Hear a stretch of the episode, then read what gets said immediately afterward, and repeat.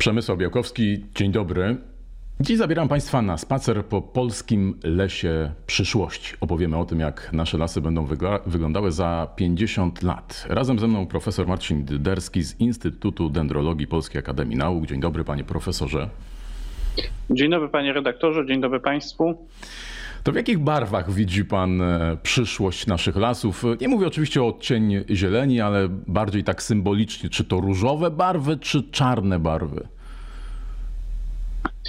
E, powiedziałbym, że barwy będą ciemne, natomiast nie tak ciemne, jak e, mogłoby się to wydawać po pierwszej analizie, ponieważ na początku chciałbym powiedzieć, że to nie będzie tak, że znikną drzewa, znikną lasy, tylko gatunki iglaste, które w tej chwili dominują w dużej części kraju, będą zamienione na gatunki liściaste, które e, wykazują mniejszą skłonność do bycia podatnym na negatywny wpływ zmian klimatycznych.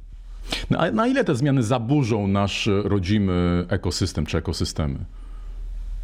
Każdy gatunek drzewa tworzy pod swoim okapem e, zupełnie inne warunki środowiskowe. To wynika e, z różnych cech, e, które powodują, że drzewa różnią się od siebie. To może być na przykład chemizm opadających liści czy igieł, który może mniej lub bardziej zakwaszać tą glebę i wpływać na tempo obiegu materii, ale to też filtr światła, ponieważ e, gatunki iglaste i niektóre liściaste przepuszczają więcej światła do dna lasu niż e, inne gatunki. Jeżeli szukamy na przykład ochłody przed upałem, no to prędzej znajdziemy go w gęstym lesie bukowym niż e, pod sosną. To nam modyfikuje ilość światła i ciepła docierającego do dna lasu, czyli modyfikuje nam to, jak wszystkie inne organizmy zależne będą funkcjonować bo to nie tylko wpływa na rośliny runa, ale także na owady, na grzyby. E, w związku z tym będziemy mieli do czynienia ze zmianą dominujących gatunków i roślin, i zwierząt, i grzybów w lesie w związku właśnie z przemianą drzewostanu. No właśnie, no to na przykład e, zatrzymajmy się e, przy grzybach. Czy to takie nasze klasyczne, jesienne, polskie grzybobranie się zmieni? Że to tu też będą inne gatunki, będzie mniej tych grzybów? Jak to może wyglądać? Myślę, że to jest e, dobre pytanie dla mykologów, którzy e, znają preferencje poszczególnych gatunków. Czy grzyby znikną? Nie powiedziałbym, bo duża część tych gatunków, e, które nie są przegranymi, jeżeli chodzi o zmiany klimatyczne, to gatunki ektomykoryzowe, czyli wchodzące w związki mykoryzowe z tymi gatunkami grzybów, które wytwarzają e, często owocniki, w tym e, na przykład kurki mogą e, być i pod sosnami, i pod dębami. Są też gatunki kury, jest też gatunek kurki, który występuje pod bukami, także tutaj spodziewałbym się zmian jakościowych, ilościowych, trudno powiedzieć. No to zostawiamy to też... grzyby i wracamy, wracamy do drzew. E, to jakie z kolei gatunki, jakie gatunki e, projektując, tworząc e, ten raport, a później aplikację Future Forest Państwo zbadali? Mm, no bo u nas Pan powiedział, to dominujące są lasy iglaste, to się będzie trochę zmieniało. No sosna, ten, ten nasz, nasze najbardziej popularne drzewo, zdaje się ponad połowa powierzchni to jest pokryta sosną, więc jak, jak tutaj w tych najważniejszych, najpopularniejszych gatunkach to się zmieni? Wzięliśmy pod uwagę 12 gatunków drzew e, z środkowej i północnej Europy, z tego 9 rodzimych i 3 obce i właśnie skupiliśmy się na tych e, najczęściej występujących. Jeżeli chodzi o sosnę, o której mówią, że to jest nasze drzewo chlebowe, e, czyli gatunek stanowiący podstawę gospodarczego wykorzystania drzew, to e, tutaj prognozy są e, bardzo pesymistyczne, ponieważ zakładamy, że w związku ze zmianami klimatu sosna straci optimum klimatyczne na większości Pols obszaru Polski.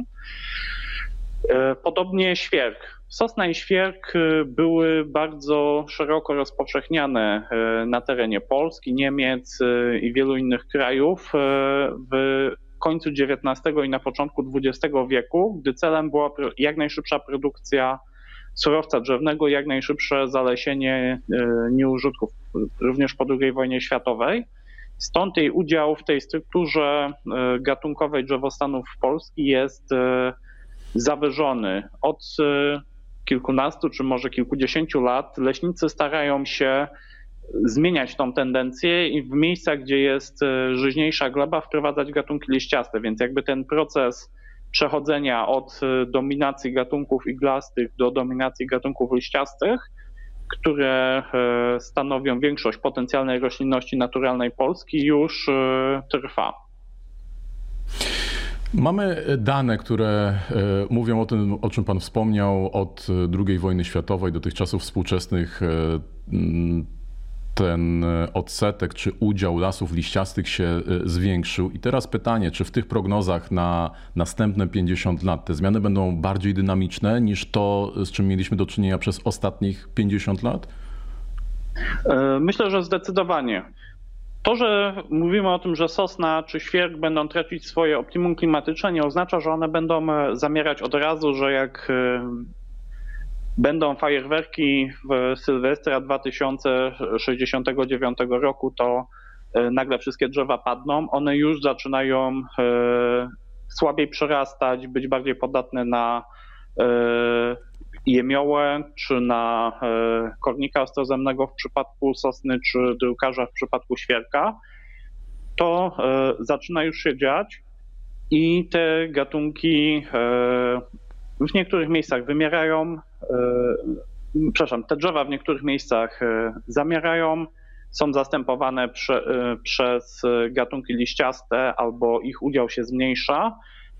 Dodatkową sprawą jest to, że wiek rębności sosny wynosi od 80 do 120 lat, podobnie w przypadku świerka. W związku z tym te drzewostany sadzone tuż po II wojnie światowej będą zbliżały się do wieku, w którym będą zastępowane nowym drzewostanem i tutaj leśnicy będą już sadzić e, znacznie bardziej urozmaicone pod kątem gatunkowym e, drzewostany, ponieważ e, jednym z takich głównych założeń w adaptacyjnej hodowli lasu jest rozproszenie ryzyka związanego ze zmianami klimatu na więcej niż jeden gatunków, czyli po prostu wkładamy jajka do kilku różnych koszyków po to, żeby w przypadku, gdy pewne prognozy się sprawdzą lub nie sprawdzą, to żeby pozostać z czymś, co nam utrzyma tą ciągłość pokrywy leśnej.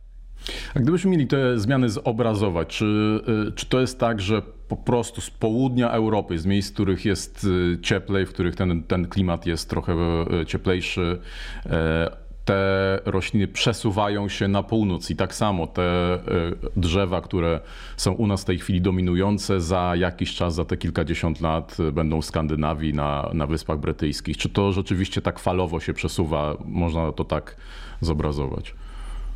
W skali tysiącleci jak najbardziej. Musimy mieć e, na uwadze, że drzewo, zanim osiągnie dojrzałość do rozmnażania, musi minąć kilkanaście, kilkadziesiąt lat ten krok biologiczny jest niewielki. W związku z tym, patrząc na prognozę zmian zasięgów, mamy te dwie części. Mamy tą część e, ekspansji zasięgu, czyli obszar, w którym obecnie warunki klimatyczne nie są korzystne dla danego gatunku, ale w perspektywie 50 lat zmienią się na korzystne. I mamy ten obszar utraty optimum klimatycznego, w którym te warunki przestaną być e, sprzyjające.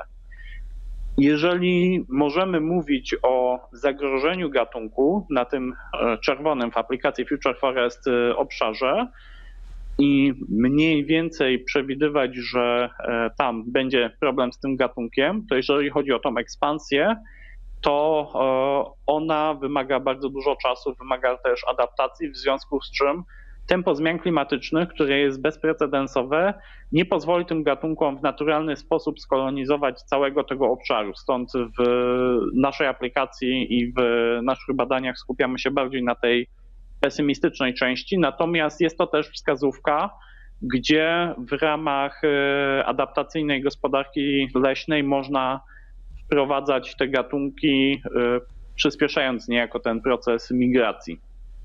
No właśnie, to tak teraz z praktycznego punktu widzenia e, dla osób, które się interesują, chciałyby się dowiedzieć, jest, jest aplikacja, która to pokazuje. Zakładam, że ona będzie aktualizowana, nowe dane wprowadzane, ale tak właściwie do kogo ona jest skierowana, czy inaczej, kto powinien z takiej wiedzy korzystać i jak ją wykorzystać?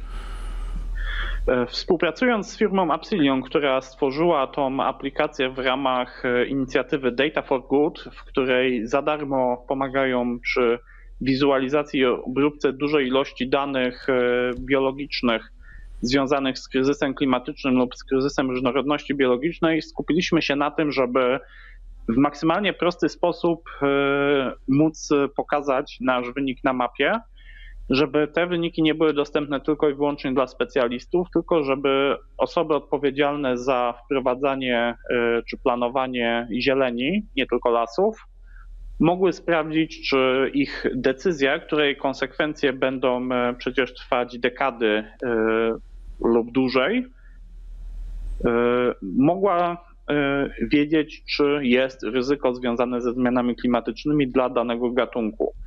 Czyli to nie tylko leśnicy i e, osoby odpowiedzialne za układanie planów urządzenia lasu, a także osoby zajmujące się ochroną przyrody, zielenią miejską, e, czy osoby szeroko interesujące się przyrodą. Wprowadziliśmy też tam granice z warstwami, e, warstwę z granicami nadleśnictw w Polsce, żeby też ułatwić leśnikom w Polsce korzystanie z tej aplikacji. A jak do tej pory sobie radzą, na ile są te wszystkie osoby, czy to środowiska, no już może nie wymieniając poszczególnie, na ile zdają sobie sprawę z tego, jak poważne zmiany nas czekają, no i na ile można im zapobiegać, czy wychodzić im na, naprzeciw, czy dostosowywać się do tych zmian? To, o czym mówimy, nie jest sprawą nową. W 1996 roku ukazała się publikacja w której e, był pierwszy taki model dla świerka pokazujący, że e, optimum klimatycznej świerka zostanie znacząco zredukowane na obszarze Europy Środkowej. W zasadzie już e, od tego czasu wiadomo, że coś się dzieje i że trzeba będzie podjąć decyzję. W związku z czym zasady hodowli lasu i regulacje ulegają cały czas e, zmianom, cały czas e, wypracowywane są nowe e, zasady hodowli lasu, nowe paradygmaty leśnictwa adaptacyjnego, nowe sposoby na dostosowanie gospodarki leśnej do zmian klimatu i do zmian zapotrzebowania na różne rodzaje drewna. W związku z tym to już się dzieje i decydenci są świadomi tego, tylko po prostu procesy przyrodnicze, zwłaszcza w lasach, które e, swój cykl rozwojowy to mają dosyć długi, zajmują sporo czasu, w związku z czym to wszystko będzie musiało dziać się stopniowo, chociaż e, czasu mamy coraz mniej.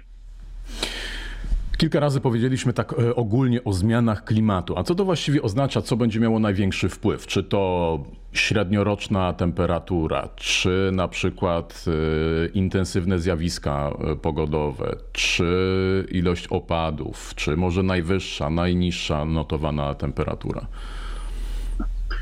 Zmiany klimatu u nas będą polegały głównie na spłaszczeniu się rozkładu temperatur i na przesunięciu się e, opadów.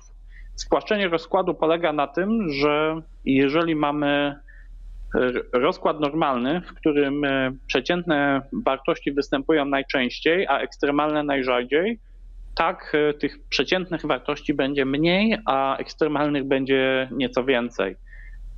Oprócz tego przesunięcie się opadów polega na tym, że E, tak jak dotychczas lipiec był miesiącem, w którym e, było najwięcej opadów, tak w tym momencie niekoniecznie.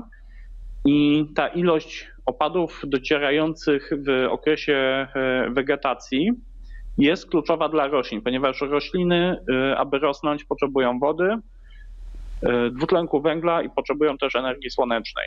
Jeżeli chodzi o tempo wzrostu, to im jest ono większe, tym większe zapotrzebowanie na wodę. Jeżeli mamy suche lata, to e, w tym momencie rośliny sobie e, gorzej radzą. Do tego, e, jeżeli te opady to nie są, nie są rozciągnięte w czasie, tylko są skumulowane, to gleba ma też swoją pojemność.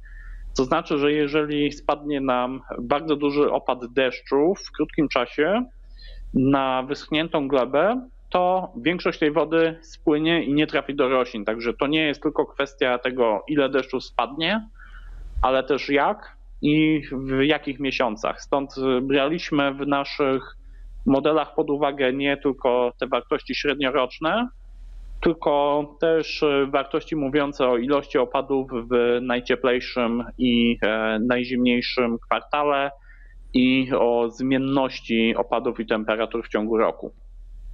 Panie profesorze, czytając o, o tym projekcie, o pańskich badaniach, e, znalazłem taką informację o rozpraszaniu ryzyka i o migracji e, wspomaganej. Co to znaczy? Jaki to może mieć wpływ na te zmiany, o których rozmawiamy?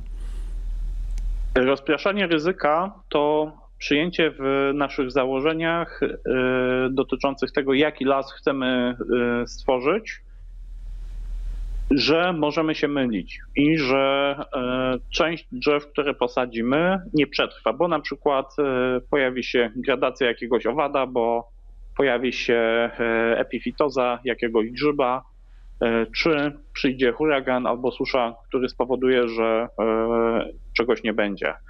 Jeżeli mamy takie średnie ubogie siedlisko, z piaszczystą glebą możemy posadzić 80% sosny i 20% dębu, albo możemy posadzić 30% dębu, 30% buka, 30% sosny i 10% brzozy. I wtedy to nasze ryzyko jest y, rozproszone. Jeżeli coś stanie się z dębem, to stracimy tylko jedną trzecią drzew, a pozostałe y, gatunki będą mogły y, skolonizować przestrzeń. Jeżeli chodzi o migrację wspomaganą, to jest to proces, e, który e, polega na tym, że sprowadzamy populację gatunków, e, które są już zaadaptowane, zaadaptowane do warunków klimatycznych, które mogą panować u nas, na przykład sosny z południa Europy, i wprowadzamy je w miejscach, w których te warunki się zmienią, czyli na przykład w Polsce żeby zwiększyć ich szanse na przetrwanie. Pan wspomniał na początku, że do, do tych badań, do tych analiz wzięto pod uwagę głównie gatunki rodzime, ale też, e, jeśli się nie mylę, trzy gatunki obce. Wiem, że Pan też zajmuje się w swoich badaniach czy w swoich zainteresowaniach e, inwazyjnymi e, gatunki, gatunkami mm, obcymi. Czym one się różnią właściwie? Jaka, jaka jest różnica w tej sytuacji? Gatunki obce to gatunki, które y, są na danym terenie tylko i wyłącznie dzięki działalności człowieka, bo zostały przyniesione, a naturalnie nie miałyby szansy pojawić się w nowym miejscu. Najczęściej jest tak z powodu jakichś barier biogeograficznych typu duży łańcuch górski czy morze lub ocean. Y, idealnym przykładem są tu gatunki północnoamerykańskie, które zostały po prostu sprowadzone i y, posadzone na mniejszą lub większą skalę. Nie wszystkie gatunki obce są inwazyjne, ponieważ e, większość gatunków obcych, które sprowadzimy, nie zaadaptuje się do nowego miejsca, nowych warunków klimatycznych, nowych wrogów. W związku z czym większość tych e, introdukcji e, kończy się porażką. Tylko część z nich jest w stanie rozmnażać się w nowym miejscu. Jeżeli dany gatunek obcy jest w stanie rozmnażać się w nowym miejscu, jest w stanie rozprzestrzeniać się y, i wchodzić do ekosystemów naturalnych czy półnaturalnych i ma jakiś wpływ y, negatywny na te ekosystemy, to możemy mówić o gatunku inwazyjnym. Często powodują one szkody, na przykład y, czeremcha amerykańska, która była na początku na masową skalę sadzona w lasach Europy Środkowej, w tej chwili bardzo mocno zwiększa koszty odnowienia lasu i uniemożliwia e, lub utrudnia prowadzenie gospodarki leśnej, a niektóre z nich e, dają też usługi ekosystemowe, na przykład robinia, mimo że też jest bardzo dużym problemem w prowadzeniu gospodarki leśnej, to z drugiej strony dostarcza miodu mm, mylnie zwanego akacjowym, czy jest ważnym elementem niektórych zabytkowych układów na przykład alei czy e, założeń parkowych. To jeszcze na koniec. Jak pan się czuje wchodząc do lasu? To jest dobre pytanie. Jak się czuję wchodząc do lasu? Zastanawiam się, czy człowiek, który wchodząc do lasu na pierwszy rzut oka zna każdą roślinę, a z pewnością każde drzewo, które tam rośnie, inaczej odbiera las niż każdy z nas, y, który no, wchodzi pewnie zrelaksować się, przespacerować, napełnić płuca czystym powietrzem, miejmy nadzieję. Jak to jest w Pana przypadku? W moim przypadku, jeżeli e, mam otwartą głowę, to też potrafię się zrelaksować. Chociaż czasami du dużo spaceruję po lasach, e, żeby odpocząć. E, czasami zdarza się tak, że coś wytrąci mnie z tego odpoczynku, bo coś zauważę, ale myślę, że potrafię tak samo korzystać z tych wszystkich świadczeń ekosystemowych, które te lasy dają. No to ja życzę panu i tych chwil relaksu, ale też y, ciekawych spostrzeżeń. Pięknie dziękuję. Profesor Marcin Biderski. Bardzo, dziękuję. bardzo dziękuję. Instytut Dendrologii Polskiej Akademii Nauk, współautor badań, które posłużyły do stworzenia aplikacji Future Forest. Dziękuję bardzo. Bardzo dziękuję. Państwu, Państwu, też dziękuję. Zapraszam i zachęcam do oglądania kolejnych wideokastów w Zielonej Interii. Będą inne ciekawe tematy. Przemysł Białkowski, kłaniam się. Do widzenia. Do zobaczenia. Thank you.